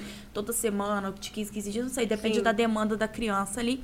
Mas tenta pela rede pública, pelo SUS, de alguma é. forma, e também seja uma escuta para o filho, né? Eu acho que isso é muito importante. Eu percebo que você faz isso, de escutar muito. o seu filho. Porque muitas mães, às vezes, naquele calor da emoção e do sofrimento, Sim. só quer falar. E às vezes fala até demais. E a minha educação é pautada nisso, em ouvir da me... Eu acredito muito nisso. Da mesma forma que ele tem que me respeitar, eu respeito ele. Eu tô lidando com um ser humano. Não é porque eu sou mãe dele que eu tô lá em cima num pedestal e ele tá aqui embaixo e tem que acatar minha ordem. Então, a, a nossa troca sempre foi muito assim, de respeito. Então, o que, que você está sentindo, meu filho? Entendeu? A gente é sempre sincero um com o outro. Isso é muito importante. Eu, eu, é por isso, né? eu acho que é por isso que ele é o meu maior defensor, porque eu sempre ouço ele. Falar nisso, ele mandou uma mensagem muito bonita. Ele mandou? Mandou. Ai, socorro. Cauã Teles. Aham. Uhum. Mãe, eu tô orgulhoso de você entrando em um podcast. Ah, Ai, que gracinha! Eu te amo, meu filho, muito, muito, muito. Olha só, a gente tem outras mensagens no final, vou ler pra você também. Rian já deixou o dele aqui. Mas eu achei muito bonitinho. Quando eu li aqui, eu bati o olho, o olho cheio até d'água, porque eu vejo, acompanho esse dia a dia de. Eu falo que eu não, quase não consigo ver ninguém. Mas aí as pessoas que a gente mais vê aparecem ali na frente sempre tem o um rostinho da é. Paola. E quando ela posta uma coisa do Cauã, nunca é, tipo, uma, uma coisa aleatória. É sempre um assunto pra que te desperta. Exatamente. Eu achei tão incrível. O dia que você foi lanchar, foi comer alguma coisa com ele, e ele fazendo a contabilidade do que ele tinha e do quanto custava aquilo que ele ia comprar. Porque Sim. tem criança que não tem noção disso, né? O pai vai lá, é. paga, a mãe paga não, e não ensina, casa, não tem essa educação financeira. Eu já sabia quanto ia dar, quanto ele tinha mais ou menos. Falei, vou deixar ele passar um apertinho aqui contando, porque faz parte, gente, a faz educação parte. financeira. Não adianta a gente dar tudo. Não que eu não tivesse dinheiro ali, mas vou deixar ele contar as moedas. pra, pra ver aprender. se vai. E ele traz, né, uma, umas perguntas muito é. inteligentes pra idade dele, igual você falou, cotação do dólar escola. É. Tem adulto que não sabe nem pra onde tá ventando esse assunto, não tem nem ah, interesse. Ah, ó, 10 anos eu já ensinei ele passar o cartão no crédito, no débito, fazer o Pix. Ele é oh. é todo... Todo pra frente. Olha, Cauã, a gente precisa se conhecer, porque eu já sou sua fã, tá? eu brinco com sua mãe, que se um dia eu tiver uma filha, eu te congelo pra ser meu genro. Ah, fica todo bobo. Mas eu acho muito incrível, né? E, e, como que você desenvolve? Você traz isso pro, pro diálogo com ele ou você percebe que isso é, é um interesse Não, dele? A, é, a minha educação sempre com ele sempre foi baseada em pautas sociais. Como eu tive essa mentalidade de, de né, essa maternidade real mesmo, é vivendo isso tudo. Eu não, não, tipo assim, eu sempre falo, gente, caminho se conhece andando. Não existe uma fórmula mágica para maternar.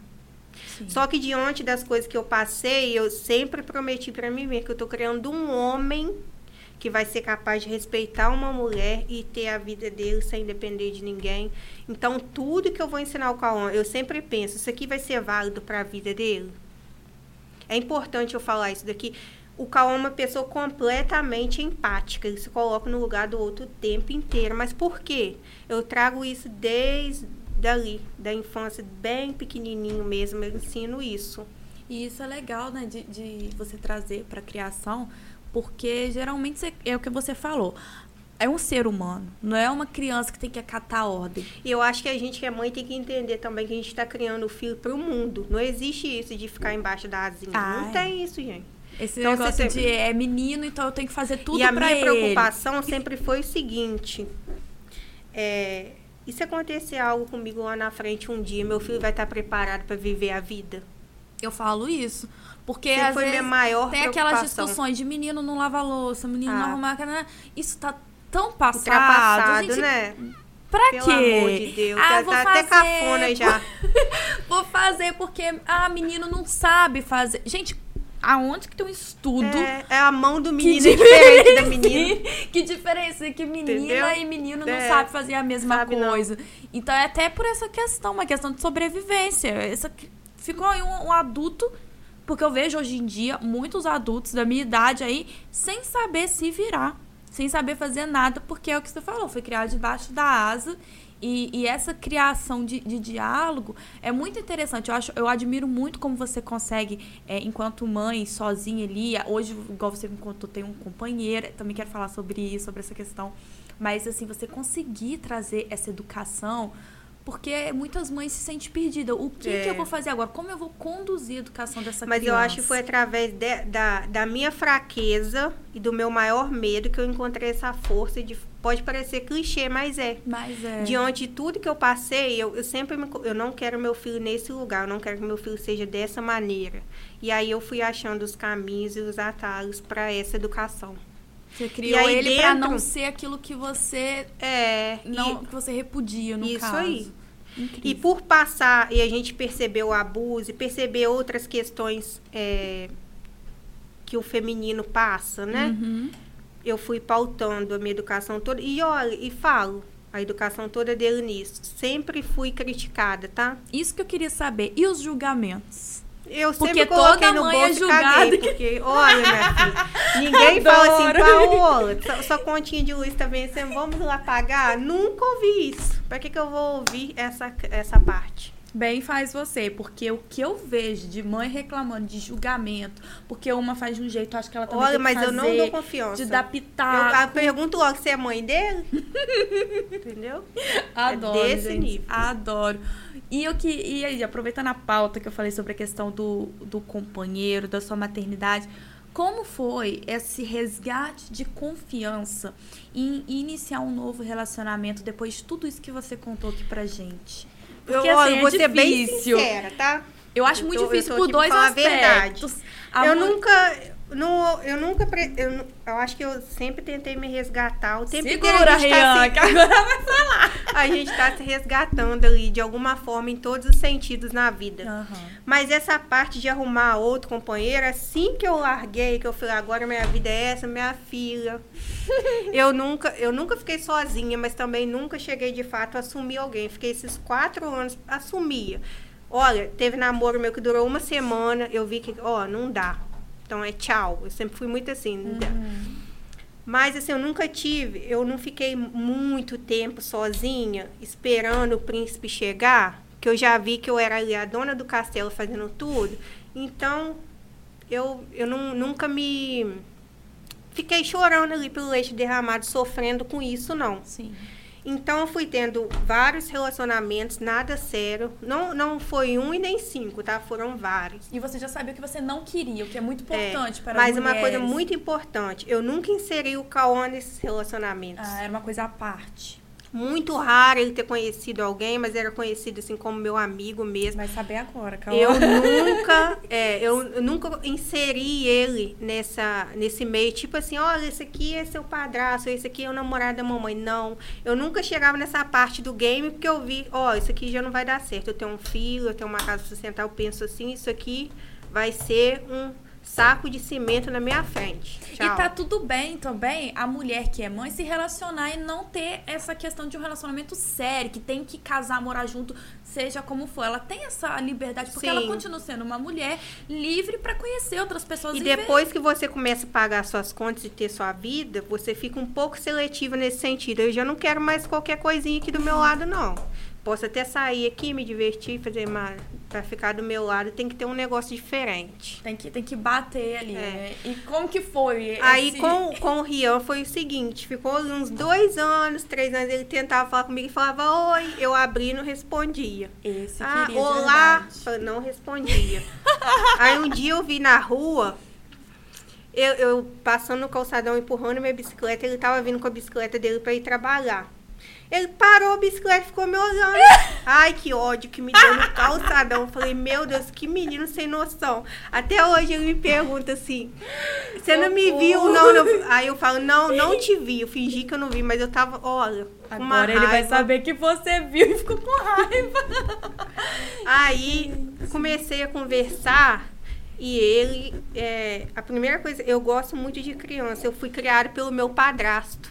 Ele falava assim comigo. Quando ele começava com esse negócio de criança, eu falava, meu Deus, o macho palestrinho vai começar a falar que gosta de criança. Que tem uns que Olha, não tenho paciência. Uhum. Assim que eu pensava. Uhum. Até hoje, quando ele começa com as palestras dele lá, eu falo, ó, oh, stop. Aí, e, e, eu achava que, tipo assim, ai, vai ser mais um que vai falar que gosta de criança, isso aqui não vai dar certo. Então, eu saí com calma pela primeira vez, ó, com Rian pela primeira vez. Depois foi indo. Todo dia ele mandava entregar alguma comida lá em casa, que ele não é bobo, tá? Então ele mandava entregar um churros, um lanche, alguma coisa, enquanto ele estava trabalhando para mim e para o Cauã. Falava, opa, ele tá pensando no meu filho. E eu também não queria olhar aquilo com outros olhos. Uhum. Eu, falava, eu ficava só achando assim, ah, tem alguma coisa estranha. já já é. toda armada, né? Até o dia que ele chegou na minha porta, a gente se conhecendo ainda o Cauã brincando, viu que tinha uma pessoa no portão me chamando e veio. Sim. E aí perguntou quem era. Ah, eu sou o Rian. É, mãe, chama ele para entrar. Eu falei, não, ele tá ocupado, ele vai trabalhar daqui a pouco. Aí ele olhou pra mim, não, não tô ocupado não, eu quero entrar. Porque ele não tinha entrado na minha casa. Ele pedia para entrar, eu falava, não, não, vou te receber aqui no portão mesmo. É assim que eu era. Resistente. E aí eles se conheceram e foi assim... É, Deu eles sempre, é, sempre se deram muito bem. Uma vez que eu fiquei muito assim é, abalada, foi que ele chegou lá em casa, ele comprou um celular novo e a primeira foto do celular dele, ele chamou o Cauã para tirar com ele. Falei, esse menino tá brincando com a minha cara, não é possível. Até que a gente foi indo, né? começou a namorar e nunca mais saiu lá de casa. Quando viu, a gente já tava junto, nunca mais se separou. Tem três anos que a gente tá junto. E o Rian é tipo o Diego, assim, ó. Se, se ele tivesse, não tivesse embarcado, ele estaria aqui, tá? O tempo inteiro do meu lado. O tempo pra é tudo. É companheiro, É o que segura né? o papel quando eu tô fazendo vídeo, é igualzinho. E a, Limpa a casa. Não tem isso na minha casa, gente. É. Ó, faz comida. Tá ouvindo, né, Rian? E outro igualzinho não, você. É, você mas... acha que você é coisa de outro mundo? não é. Tem outros Rians por aí, pois viu, é. Rian? Mas é exatamente a mulher que ela exatamente sabe o que ela quer e o que ela não quer. Ela, é igual você falou, ela é seletiva. Ela não precisa de, de, de homem pra ficar ali pentelhando é. a cabeça dela. Né? Aí, como que foi essa coisa de pai padrasto? Um dia o Rian chegou pro Cauã e falou assim: Você, você quer que eu seja seu pai? É, o dia que você quiser, você pode me chamar de pai, porque eu quero ser o seu pai. Aí ele falou que queria. Eu fiquei olhando pros dois falei, não é possível que eu tô. Não, gente. Aí depois eu chamei e falei, gente, tá muito cedo pra você ficar falando isso comigo. Você não sabe se vai dar certo. Ele vai dar certo sim, eu vou ser o pai dele, você vai ver. E realmente sempre foi. É ele que acorda de madrugada quando o Cauã tá passando mal, ele que mede a febre, ele que sabe o remédio que ele toma, é tudo. Ali. Veio exatamente para agregar, né? Para ter essa É, não essa tenho relação. que reclamar. Ele faz de um tudo pelo meu filho. E Rian, hein, ganhou a noite. E o Cauã tem essa, igual você falou, essa relação de, Tem. de diálogo, igual ele tem com você, com Tem, ele também. sim. A gente é muito tranquilo nisso. Acho que a gente é até parece. Eu acho que deu, juntou, é, porque tinha que ser. Até o time do Rian mesmo que o meu. Ele é vascaíno igual eu. Aí, Diego, é vascaíno. Ai, Todo Entendeu? mundo vascaíno. então. É, eu Mas acho tô falando assim, é, bateu tudo direitinho. Era pra ser esse É. encontro, né? Você esperou aí dois anos pra, pra deixar acontecer. Mas também tem a hora certa de tudo acontecer, né? E hoje vocês é, moram juntos, você, É. ele e Cauã. Isso. A sua família. é, e aí vocês vão, ele trabalha, você É. vai desenvolvendo a colorê. Quando ele chega, ele fica por minha conta, porque hoje a gente tá num novo formato, ele que Aham. pinta todos Eu os móveis. vi que você colocou Corre lá, atrás de Ele tudo. pintando, Paga, todo faz o que tiver que fazer ali comigo. E tá ficando lindo, né? Os móveis. Eu já lá. não tenho mais espaço. Você tá fazendo, tá colocando tudo pra, pra É. aluguel, todos É, aqueles móveis também. Vai entrar agora, já tem uma lista de pessoas esperando, só que eu sou muito virginiana metódica, eu Hum. quero tudo certinho, eu quero ter o tamanho dos móveis, a- todas as cores que eu precisar ali na cartela, eu quero tudo certo. Eu quero que cada móvel tenha um, um, um saco para ele ser colocado e carregado Ah, direitinho. É, eu não, eu não gosto de bagunça, então por isso que eu tô demorando um pouco isso, porque quando for já vai estar tudo Ah, eu achei que você já tava liberando, você tá só Não, já- fazendo já- a lista, né? É. Não, mas começa agora. Semana que vem já, já, já tem pessoas só esperando falar assim. Agora é ok, Paola, deixa eu fechar aqui que eu vou fazer o Pix. Aí o colorê vai ser esse aluguel de móveis e dos personagens. Isso. Aí eu parei totalmente com as vendas, porque eu não dava conta. Eu comecei a fazer a locação junto com a venda. Eu ficava muito Eu sobrecarregada. imagino, e é um trabalho muito individual, É, né? E que ainda você- continuava virando noite, assim, sem ter tanta precisão disso. Aham. Aí eu falei, agora eu vou ter que escolher. É, e tem horas É. que a gente tem que fazer escolhas E aí, se eu difíceis. quisesse ir pro Pegmonte, eu tinha que abrir mão da venda Uhum. para poder aumentar o meu acervo. Então, hoje já são mais de 100 personagens no acervo. Nossa. Então, assim, é, eu já alugo só os personagens. Aí agora eu cheguei com os móveis para fazer tudo. Eu sei que as pessoas votaram no Safari, mas eu quero ver a Cinderela. Eu vou mostrar todos.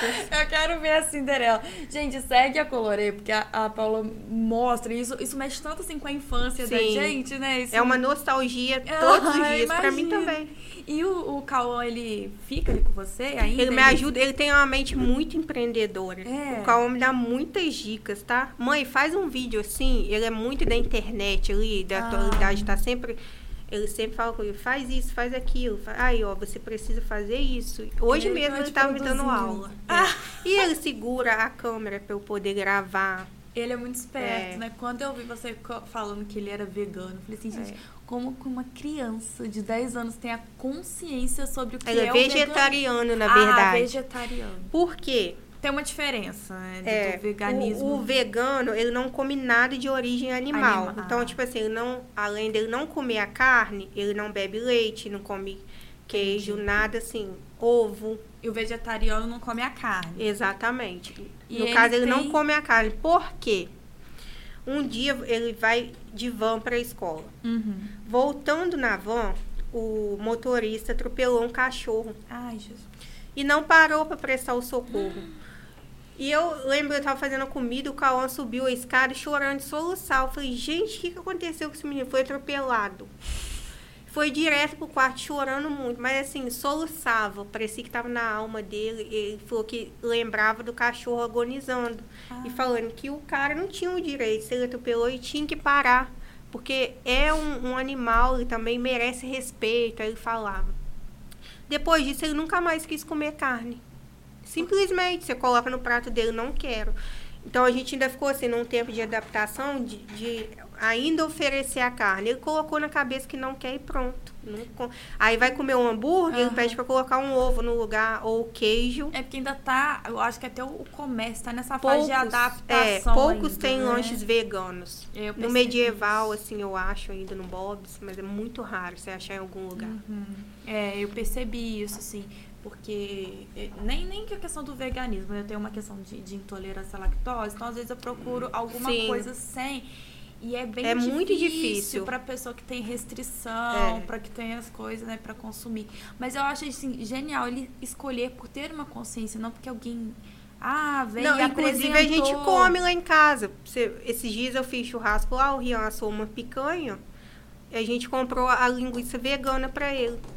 E ele come assim, de Numa boa. boa. Se você deixar só o pão assado pra ele, tá ótimo. Tá, olha que legal, né? Um pãozinho de alho também. Pode colocar a carne que for na mesa, ele não come. Que legal. E tem, Aí, e- esses dias ele até falou, eu prefiro que vocês não fiquem me oferecendo a carne. Se algum dia eu quiser comer animal morto, eu falo com vocês. É, animal morto, não. que forte, né? É. Esse dia que você ia comer. Nossa, muito legal ele ter essa consciência. Aí já tem mais ou menos uns cinco meses. Que ele tá. E pra criança é difícil. E por um né? lado foi até bom, porque ele passou a comer todos os vegetais e legumes que ele Hum. não comia antes, então a alimentação dele mudou para melhor. Entendeu? Mudou. Porque ele precisa, ele pre- o paladar muda quando você não Muda, come carne. É, já ouvi falar sobre É, isso. Ele uma precisou, limpeza ali. né? exatamente. Então, o que ele não comia, por exemplo, a cenoura, a abóbora, que ele comia fazendo uma cara feia, alguma coisa, quando você para de comer a carne, o paladar muda, então você aceita esses alimentos numa boa. Eu acho que eu vou começar a tirar a carne lá de casa pra ver se o Diego come os vegetais. porque, porque já que muda o paladar, né? Mas vou te falar que tem uma carne de soja moída, carne moída de soja no Aham. Fluminense, é idêntica à carne moída. Aí, Diego. Gente, não é bobeira.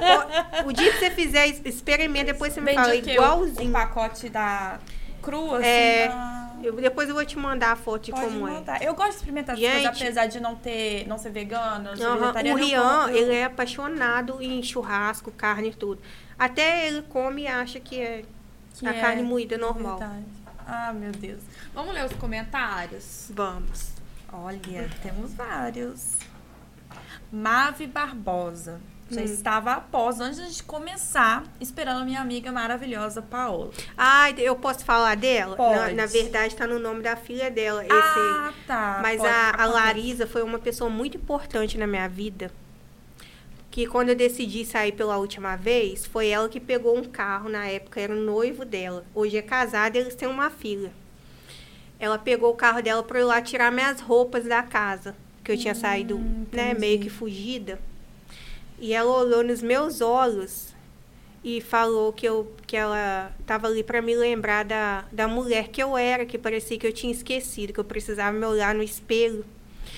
Que por mais que ninguém acreditasse, pensasse que eu fosse voltar atrás, ela estava ali e ela acreditava em mim. O apoio dela foi muito importante.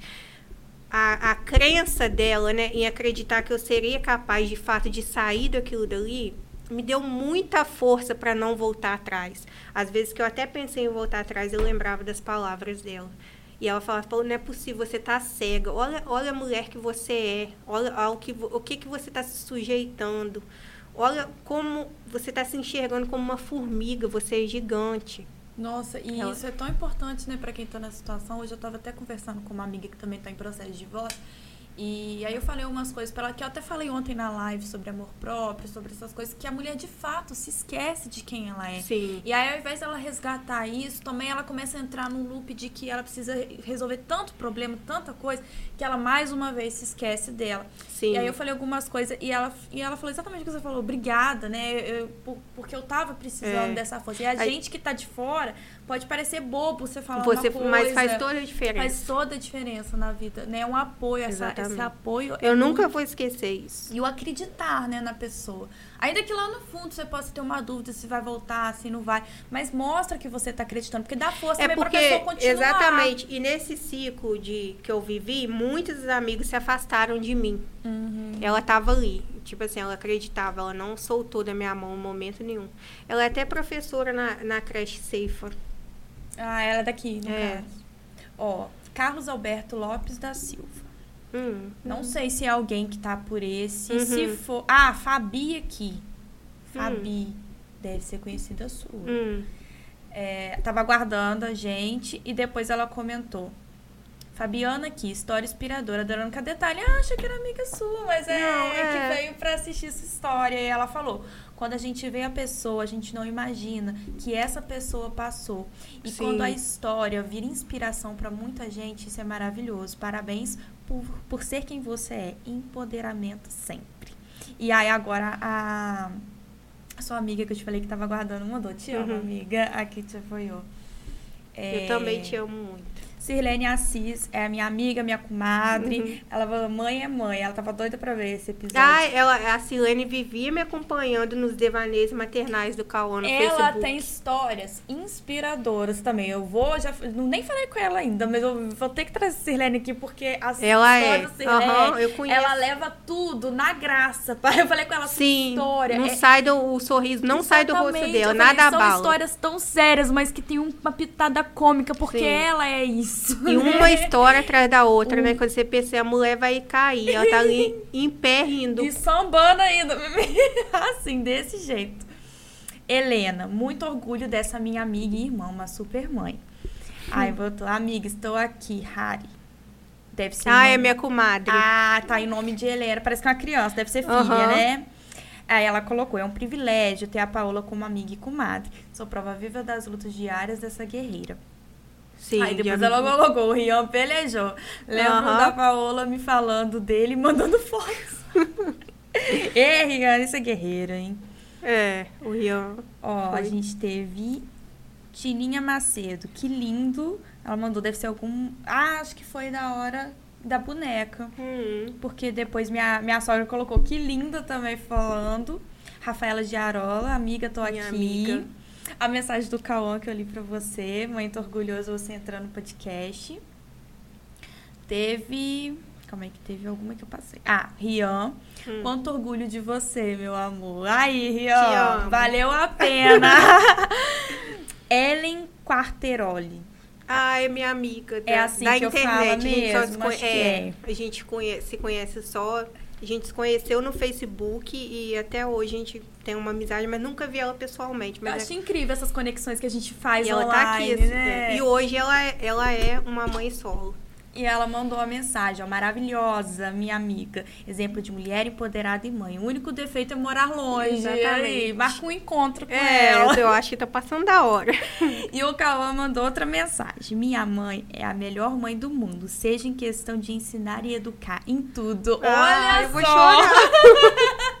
Ai, que lindo, gente! Te amo, meu Que filho. lindo. Obrigada por vocês que. To- é, vamos agradecer todo mundo que interagiu. Todo aí. mundo. Eu amei os Não comentários. vocês acabamos aqui não, que eu tenho umas comigo. perguntinhas pra te fazer. Tá. Primeiro, eu só queria fechar o nosso assunto. É, você falando um pouco sobre o que te inspira diariamente em ser essa mulher, em ser mãe, em conseguir conciliar o ser mulher e ser mãe sem que uma coisa não anule a outra. E o que uma mensagem que você deixa de inspiração para mães que estão enfrentando essa questão da maternidade solo e todo, todos esses devaneios que você. Eu acho que é uma dificuldade muito grande. Muitas mulheres, quando se tornam mães, quase sempre anulam o lado mulher. Porque é tanta coisa, é tudo novo, né? É muito problema. Se você for solo ainda, é uma carga muito pesada assim em cima de você. Então esse lado, um lado sempre tem que vai ficar meio que de lado. E geralmente o que fica é o lado mulher. Ela se anula porque ela dá a vida ali pelo filho. Eu sempre procurei fazer diferente. Então às vezes que eu me sentia muito mal, Uhum. eu procurava ouvir outras histórias inspiradoras de pessoas que passavam pela mesma coisa que eu ali. E uma coisa muito importante, eu ia para frente do espelho e me arrumar. Passar um Olha. batom vermelho, alguma coisa, porque eu precisava. Eu amo Quando, passar um quando a batom gente. vermelho. É, não é verdade? Quando já, Já dá. É meio acende. caminho andado. Aham. Entendeu? É meio caminho andado. E é isso. E trabalhava sem parar. Eu acho que no meu trabalho eu encontrei muita força. Não é fácil, gente, mas eu acho que todo mundo pode. Esse ocupar a mente com algo que você tenha prazer em fazer, né? Porque também. E, e buscar ficar- a mulher dentro da mãe todos os dias é uma tarefa diária. Entendeu? E a gente só busca essa mulher quando a gente vai, assim, se empoderando e se amando. Porque ela realmente vai ficando de lado. Não, não tem como. E a gente... É, é uma luta diária que você vai pescando a mulher ali novamente. O, o, o empoderamento é isso, né? Exatamente. É, não existe uma mulher empoderada do nada. Não Ela é. sempre passou por uma dor para estar ali forte e Pra- mostrar. Exatamente. Entendeu? Ela foi amolada ali no, na dor. E vai construindo isso diariamente, né? Deixando de lado a culpa, se reconhecendo, aceitando seus defeitos. É. Porque a gente, a gente, é defe- a É. gente tem defeito, a gente, Gente, não é não viram? Eu deixei o cabelinho menor aqui na boneca para mostrar. E quando, Exatamente. quando a gente aceita que a gente não existe perfeição, seja no nosso físico, no nosso psicológico, no nosso- na nossa casa, ao nosso redor, quando a gente aceita e entende isso, tudo muda. Aí a gente procura melhorar a cada dia. Exatamente. Mas, né, quando a gente já tira da cabeça aquela ideia, assim, do príncipe encantado, que não, não existe, nunca Não vai existe. existir. Entendeu? Vai ter um homem ali do seu lado peidando, te fazendo raiva. Infelizmente, gente, essa é a É verdade. verdade. Entendeu? É, a realidade é outra. Então, vamos encarar a realidade de frente? Vamos fazer a, a nossa realidade ser melhor a. Isso partir aí. da, da nossa. do como vamos lidar com essa Por mais que realidade. seja melhor, nunca vai ser perfeito. Exatamente, nós não Entendeu? somos E vitrines. a vida é essa aí, a gente tá aqui pra evoluir. Entendeu? Se fosse só pra passear e fazer cosplay da Disney, Isso a gente faz só no Instagram, É. tá? Eu falo, Instagram é uma vida ou muito superficial, porque tem É, gente que uma vai pra lá falar que a gente posta mentira. só o que quer. É, ou quem posta de verdade posta só algumas coisas. Ninguém vai postar lá chorando, É. posta aquela, o Mas perrengue. todo mundo vai passar por isso. E quando posta o perrengue, a gente posta rindo porque já superou ele. É. Ninguém vai. E eu acho que a frase que eu gostaria de deixar para todas as mulheres é uma que eu carrego para a vida. Caminho só se conhece andando. Caminho, você pode olhar o caminho e pensar esse é o caminho. Você só vai sentir na pele se o caminho é esse se você for. Então é é uma é um conselho que serve para a vida, tanto para sua vida profissional, para a vida moral. A gente precisa de coragem o tempo inteiro na vida para tudo. É verdade. Entendeu? Você quer sair de, de um relacionamento abusivo? Coragem, caminho, só se conhece andando. Você quer criar um novo negócio? Coragem, caminho, só se conhece andando. Pra tudo na vida. Até porque é, é o que você falou, a estrada pode ser a mesma da pessoa que passou por uma situação É. igual, mas a caminhada é diferente, É, cada uma porque vai fazendo todo mundo sua. tem a sua realidade. Isso aí. E a gente só vai conhecer se aquilo é o bom, o certo ou errado andando nela. Não tem É, outro jeito. Se você falar comigo assim, Paula, vai por esse caminho aqui que ele é claro, eu posso encontrar algo que eu não quero ali. Pra você ele foi bom e pra mim, eu só vou saber se eu andar. É verdade. Perfeita reflexão, viu, gente? Paola também É, e eu acho que a gente precisa disso, é de coragem o tempo inteiro pra tudo. A gente nunca vai ter a resposta do que, que vai ser lá na frente. Quando eu saí de casa e resolvi ter minha vida, a única coisa que eu sabia que eu não queria voltar para casa, que eu precisava do meu espaço. Eu fui conhecendo, eu fui me empoderando nesse, nesse ao longo do caminho, né? A gente quer ter mania de Andando, querer ter trilhando. controle de tudo. Não tem jeito. A gente não, Não tem tem controle como. nem do amanhã, de deito pra dormir, não sabe se vai chegar É, no outro e dia. parar também de comparar, né, gente? O meu relacionamento com o outro. Ah, porque o fulano faz isso, o seu. Gente, cada um tem uma realidade. É verdade. E quando a gente solta a mão disso, entende? Larga o freio, tudo muda, de, né?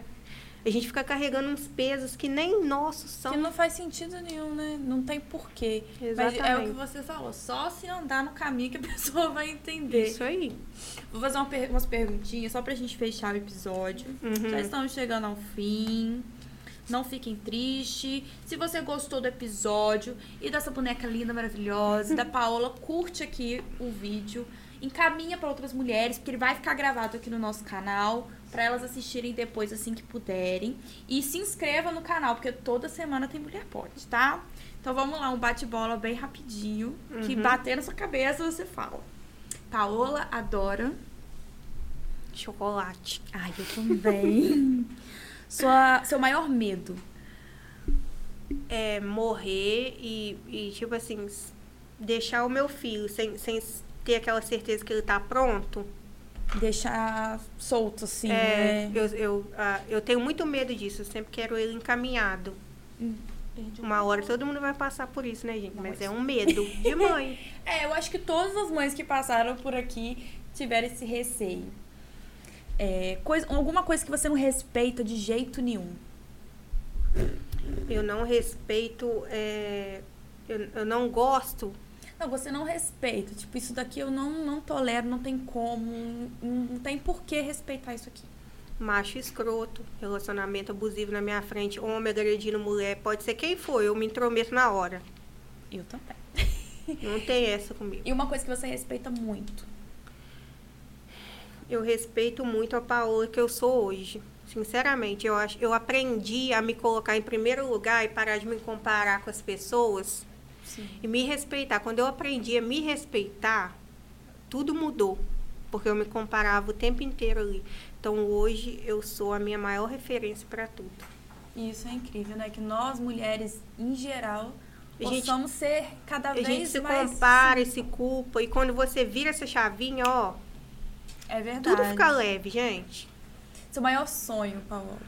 Meu maior sonho é ter uma empresa de locação que é referência na minha região, não na minha cidade. Estamos declarando isso aqui grave, que tiver aí. Daqui a pouquinho a gente já vai estar vendo isso, hein? Assim Estamos vendo essa realidade.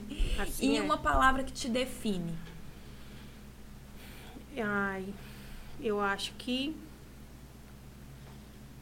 estressada. Eu sou bem, tá? Não, não Estressada. se enganem, tá? Minha palavra é, eu sou bem estressada. Eu vi sua caixinha bombando aquele dia. Você viu? Olha, e você viu as pessoas comentando, falando as histórias, gente, Paola, você fazia isso. Eu sou. Não deixa pra. Nada pra trás, né? Não. Nada passar. Estressada. Mas estressada. pro lado de ser estressada, apesar de ser uma coisa que consome nossa Qualquer energia. assim, é, mas tipo assim, É coisinhas me tiram do sério, assim, momentaneamente, tá, gente? Assim, Depois passou. é. Paola, mais uma vez, muito obrigada pela sua participação, por você ter aceito esse convite. Eu que agradeço. Eu me E, ó, sinto honrada em ter você aqui. Esse bate-papo foi tão incrível. Eu aprendi tantas coisas com você. E eu achei que, meu Deus, como que eu vou ficar falando durante uma hora? Já passou uma hora e meia, a gente tá Uma aqui, ó, hora e quarenta que a gente está aqui falando. E foi sensacional. É, porque a gente tem que finalizar, senão a gente ainda continuava aqui falando muito mais, porque quando junta duas mulheres falando, É sai de baixo. Mas eu quero te agradecer muito, porque iniciar esse novo quadro aqui pra mim é mais um propósito da minha vida. É algo que eu quero abrir esse espaço, igual eu falo. O propósito do Mulher Pode é falar sobre direitos, sobre empoderamento da mulher, mas também dar voz a outras mulheres e outros assuntos para elas virem aqui agregar, trazer à trazer. tona essas realidades, né? Exatamente, eu não quero é, que seja uma coisa muito formal, muito técnica. Claro que a gente vai falar de assuntos que precisam disso, mas de forma leve. E eu quero trazer pessoas como você, puramente Reais. real, real mesmo, falando É porque que é a realidade que conecta. Exatamente. E o propósito desse quadro é esse. Acho que hoje a gente conseguiu cumprir muito bem. Tenho certeza que a gente conseguiu cumprir. Mais uma vez, obrigada pelo meu presente. Estou... Ai, eu amei, gente. Vai ficar aqui, ó, meu Eu cenário. me sinto muito honrada de poder dar voz a outras pessoas reais como eu, que já passaram por isso. Tenho certeza que muitas pessoas vão se identificar, quem não estava aqui ao vivo, mas que vai ver Sim. depois, vai se identificar com a minha história, com alguma parte. E é Com isso. certeza, com certeza, porque é, no dia a dia a gente sempre acaba passando uma coisa parecida ou igual o que a outra passou. E a gente que está nesse caminho assim de empoderar outras mulheres, de estar nessa pauta de, de relacionamento abusivo, de maternidade solo, a gente, eu pelo menos, eu falo por mim, eu tenho um imã que sempre atrai pessoas que me procuram com o mesmo problema. Ou, tipo assim, sabem que eu passei. Aham. Eu, olha, é o que eu falei com você, você pode fugir. Ele volta. É. Sim, é impressionante. A gente Não tem tenta, como. mas não tem como. Quando é uma coisa que conecta. E é isso. E aonde as pessoas te encontram? Encontra Colorê, rede social, É, por enquanto na rede social, o meu acervo ainda está em casa, mas em breve eu vou abrir a loja presencial. E eu quero, quando eu puder, eu puder contratar alguém, que seja uma mãe solo. Eu vou dar preferência para que ela seja uma mãe solo. Isso é muito importante porque, infelizmente, o mercado de trabalho se fecha muito Sim. e não acaba não dando oportunidade. Exatamente. E seu arroba, arroba da Colorê, para as pessoas É. encontrarem. Oficial Colorê, sem ponto, sem nada, tudo junto. Oficial Colorê. Vai lá, gente, conferir os trabalhos Vocês vão incríveis. amar. Vão amar, de verdade. Se vocês amaram a boneca, tem que ver o, o cenário todo É. das peças, como que fica lindo. Quero agradecer vocês que estiveram até aqui, que estão até agora com a gente, acompanhando, comentando. Fico muito feliz em toda semana poder estar aqui trazendo assuntos tão importantes, tão necessários. Esse foi mais um episódio do Mulher Pode. Agradeço vocês que curtiram, que interagiram, que compartilharam esse episódio. E semana que vem, às 19 horas, a gente está aqui de novo com um quadro, inclusive, que a gente estreou esse ano, que é o Rosa Choque. Mas pro final de semana eu libero para vocês o assunto da próxima semana, tá? Um beijão, fiquem com Deus e boa noite. Tchau. Foi?